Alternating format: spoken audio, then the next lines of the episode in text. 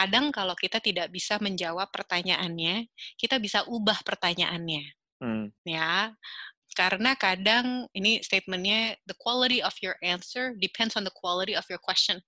Jadi Hmm. kualitas jawaban itu tergantung dari kualitas pertanyaannya.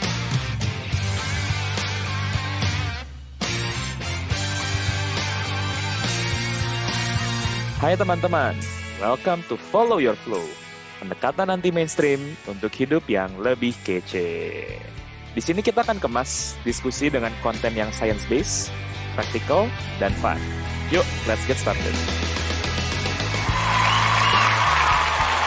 Oke mbak, gue punya pertanyaan nih seperti biasa. Jadi kan Ya. kayak gue beberapa waktu yang lalu ikut uh, workshop gitu kan. Hmm. Um, dan gue cukup sering dan di workshop tuh sering banget kita di-share tentang framework gitu loh.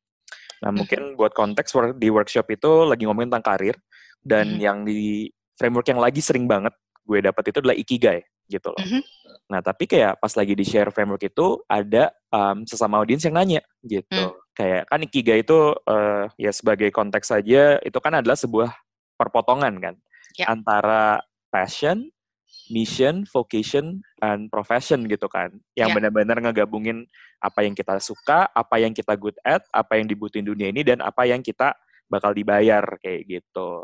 Nah, Mhm. terus tuh kayak pertanyaan yang sering banget muncul adalah orang tuh nanya, gue susah banget nemuin ikigai gue, karena bahkan gue nggak tahu passion gue tuh apa, gitu loh. Yes, betul. Betul sekali. Betul Nah, sekali. Pertanyaan gue ya mbak ya, kalau gitu kayak gimana caranya supaya framework ini, menurut gue sih frameworknya oke ya, dan terlihat Mhm. sangat intuitif gitu loh. Mhm. Gimana caranya make sure bahwa kita benar-benar bisa dapetin benefit paling maksimal dari framework ini, gitu. Ini adalah mungkin nggak cuman framework, tapi mungkin untuk semua framework ya. Ya. Gitu. Yang namanya pertanyaan, pertanyaan yang membutuhkan self discovery, itu Hmm. kan bukan untuk dijawab saat itu juga. Hmm. Ya kan? Ya. Eh, jadi kayak kesannya, oh ini pertanyaannya, jawab sekarang dan lo harus tahu jawabannya. Hmm. Um, part of the most fulfilling process adalah memang the discovery Hmm. menjawabnya seperti apa itu yang pertama jadi Hmm. jadi hilangkan ekspektasi bahwa kalau lo dikasih framework hari ini terus besok lo udah harus tahu jawabannya Ya. enggak Ya.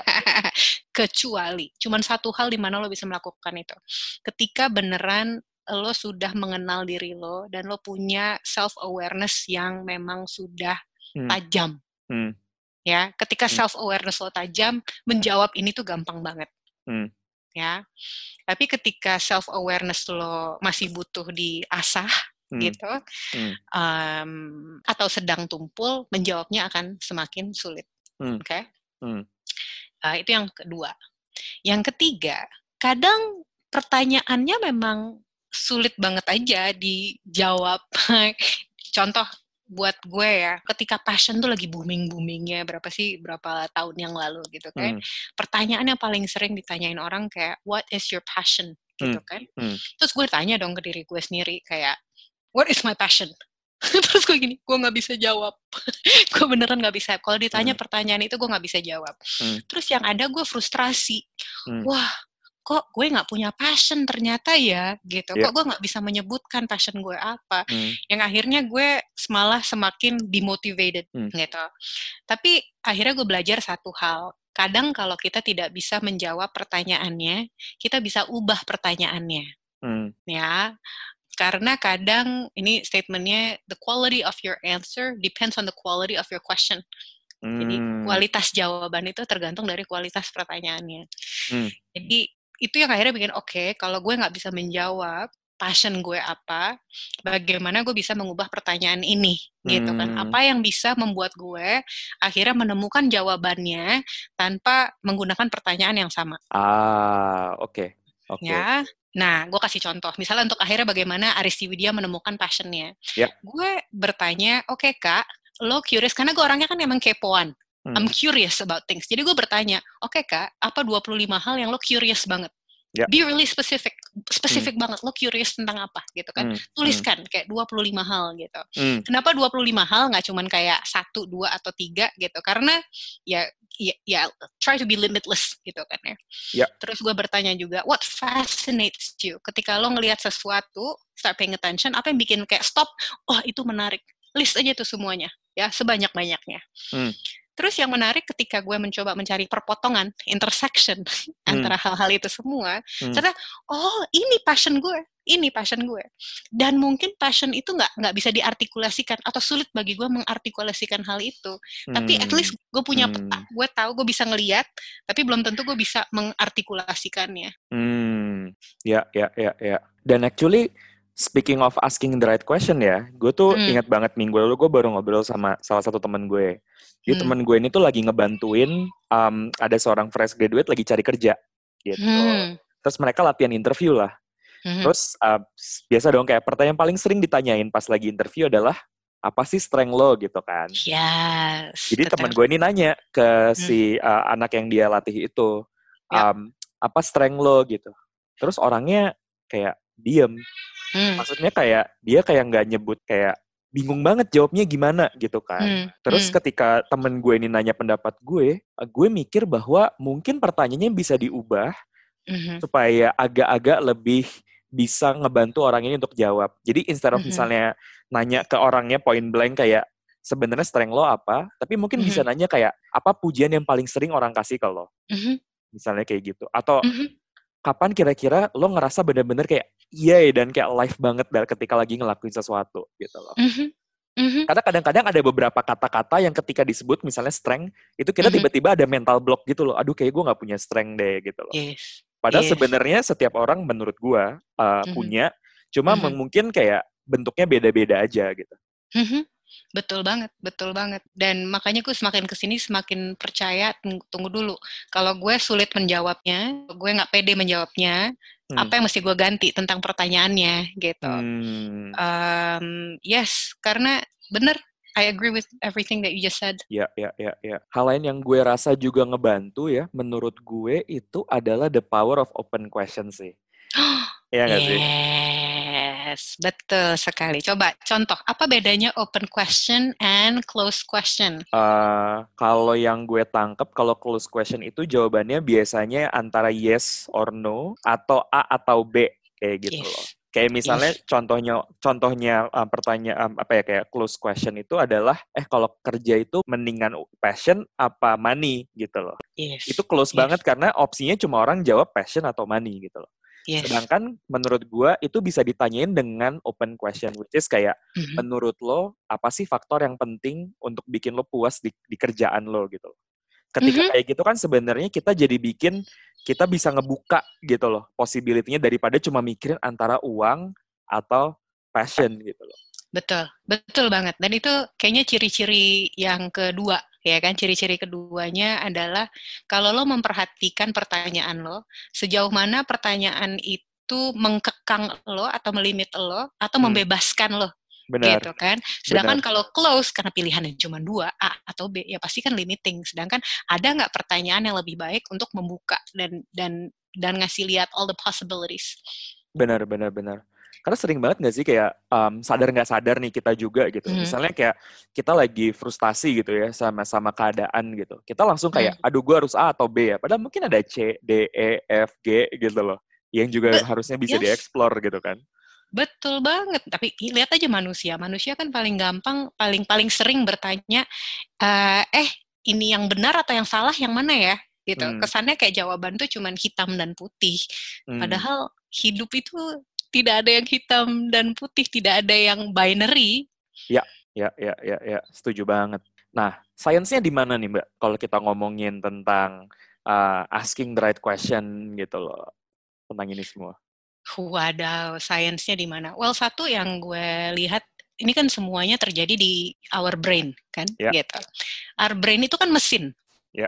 Jadi sebuah pertanyaan itu akan men-trigger otak lo melakukan seperti apa. Hmm. Ya kan? Hmm. Jadi kalau ya jelas-jelas karena you become what you think, Ya. right? Jadi Hmm. ketika lo bertanya cuma A atau B, ya otak lo cuma akan mencari solusi antara A dan B. Jadi tugas yang lo ya, kasih itu benar. limiting banget. Benar, gitu benar, benar, kan. benar, benar. Sedangkan kalau lo buka pertanyaannya gitu kan ya kayak hmm apa cara terbaik untuk punya karir yang fulfilling, right? Itu kan gak ada A atau B. Terus akhirnya brain mencari semua possibility yang ada gitu. Jadi ya kadang kita nggak sadar pertanyaannya akhirnya malah mengecilkan fungsi otak kita sendiri. Bener banget sih. Itu mengingatkan gue pada uh, ini ya, kayak otak yang ada sistem one dan sistem two. Sistem Mhm. one itu kan kalau nggak salah yang males gitu kan, yang kita jawabannya tuh kayak stuck, langsung kayak jawab. Sedangkan sistem two itu bikin kita tuh kayak lebih deliberate ketika kita berpikir gitu. Gue ngerasa ketika gue personally dikasih pertanyaan yang pilihannya A atau B, itu tuh nge-trigger banget sistem satu. Karena gue cuma tinggal mengconsider di antara dua itu gitu. Padahal sebenarnya ada pilihan lain gitu kan. Betul. Dan akhirnya otak lo tidak menyalakan neuron-neuron baru.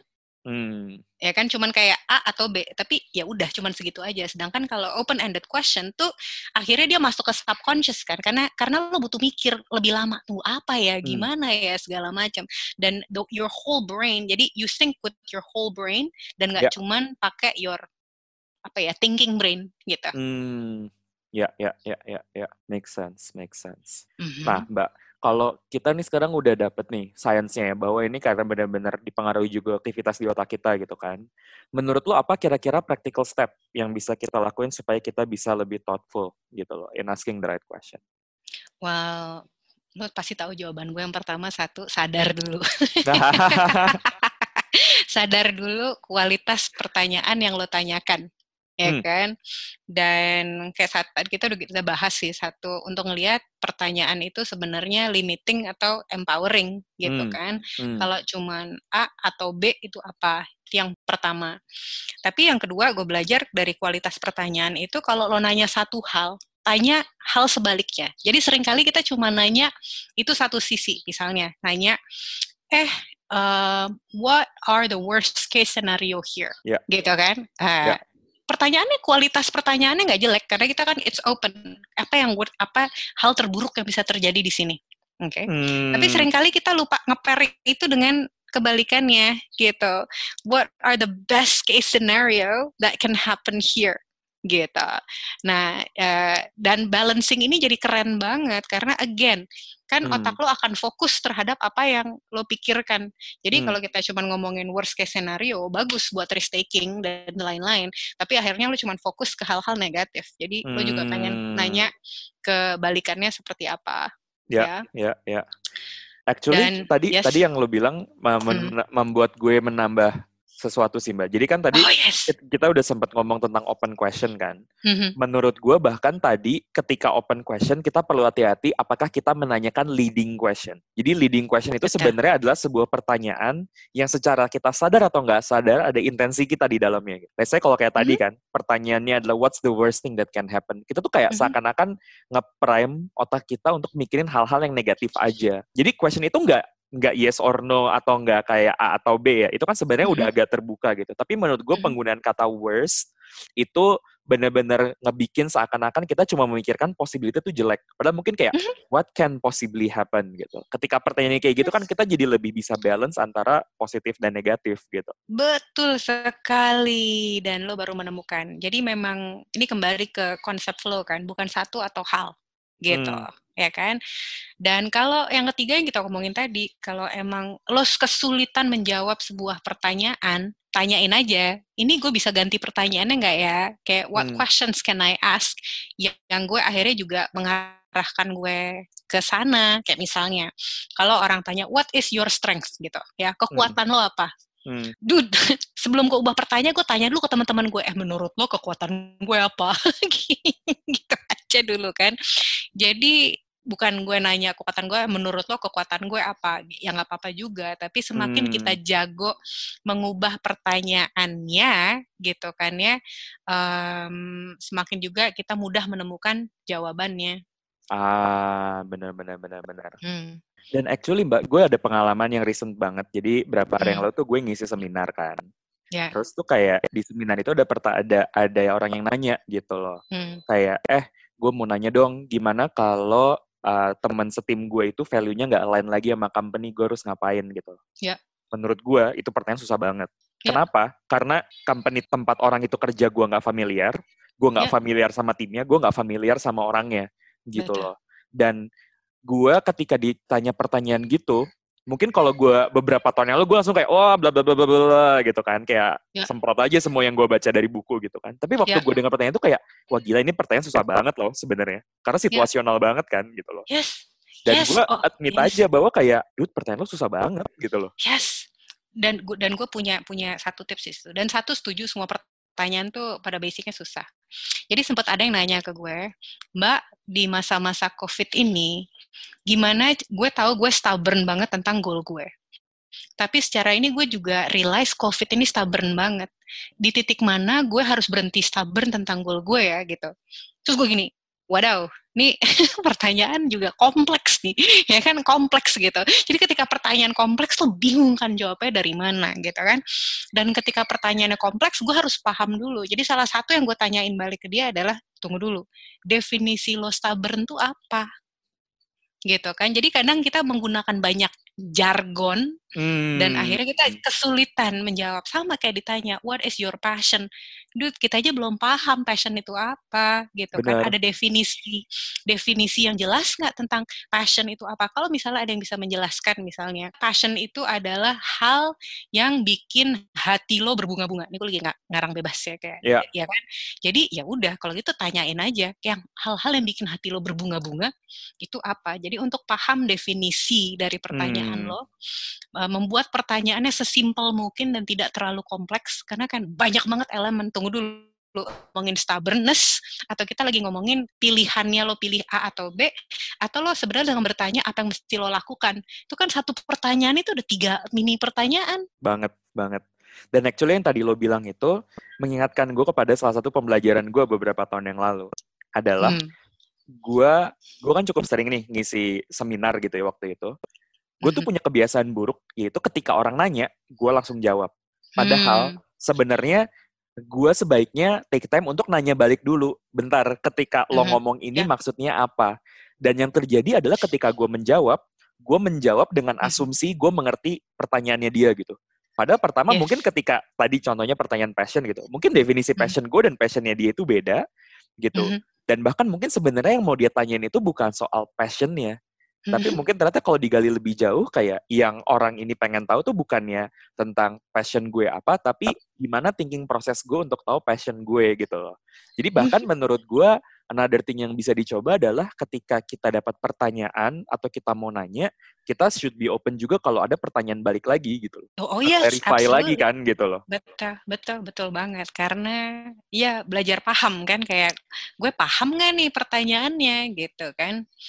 Um, dan yang terakhir yang kita bahas di awal juga sih, semakin kita paham diri kita sendiri, ya kata kuncinya paham. paham. Bukan cuman bukan cuman aware, tapi paham dan mengenal. Ketika gue sangat mengenal dan paham diri gue sendiri, pertanyaan lebih mudah untuk dijawab hmm. gitu. Um, tapi akan ada selalu pertanyaan-pertanyaan yang sulit banget untuk dijawab. Itu kan eksplorasi akhirnya. Hmm. Kayak sekarang pertanyaan yang sedang gue ikuti ya dan sedang gue coba jawab adalah apa artinya being authentic jujur gue nggak belum belum punya jawabannya gitu kan hmm. tapi gue lagi ngikutin curiosity aja bagi Aristi Widya Bramantika artinya otentik tuh apa hmm. karena gue pengen punya definisi gue sendiri bukan definisi orang lain gitu kan. Benar. Dan dan mungkin di satu titik di mana gue akan merasa tunggu saat ini pertanyaan ini efektif buat gue gitu kan. Apa arti otentik right? hmm. kayak apa artinya buat gue? Tapi mungkin sebulan dari sekarang ketika gue udah menemukan beberapa jawaban gue akan realize tunggu pertanyaan ini udah udah nggak relevan lagi. Ternyata gue harus mengganti pertanyaannya. And be open with that Hmm, ya, ya, ya, ya, ya. Wah, itu menarik banget untuk kita bahas di episode selanjut selanjutnya. Gitu. yes. Tapi untuk kali ini, Jadi, menurut gue udah mm, oke okay banget sih. Kayak gue belajar dari lo, yang gue tangkap dari sesi mm. kali ini adalah tentang apa ya? Ketika kita dapat sebuah pertanyaan gitu loh, kita mesti benar-benar mikir lagi apakah this is the right question yang ditanyain ke kita dan kita mesti kreatif untuk mikir ada nggak nih cara lain um, question ini di frame supaya kita lebih gampang jawabnya atau itu membuka pemikiran kita gitu loh. Mhm. Dan yang ketiga balik lagi bahwa ujung-ujungnya balik lagi untuk pertanyaan itu banyak yang nggak bisa dijawab dengan gampang dan butuh waktu dan butuh paham dengan diri kita sendiri. Iya. Mantap. Oke, Mbak Ika. Thank you banget. Thank you, Vic. Bye. Bye. Oke teman-teman, sekian untuk episode kali ini. Jangan lupa untuk subscribe ke podcast kita supaya teman-teman dapat update setiap kali kita rilis episode terbaru dan kita janji kita bakal update dan bakal rilis konten secara reguler. Dan juga jangan lupa untuk share ke teman-teman lo kalau lo ngerasa bahwa ini juga bisa berguna buat orang lain. See you next time.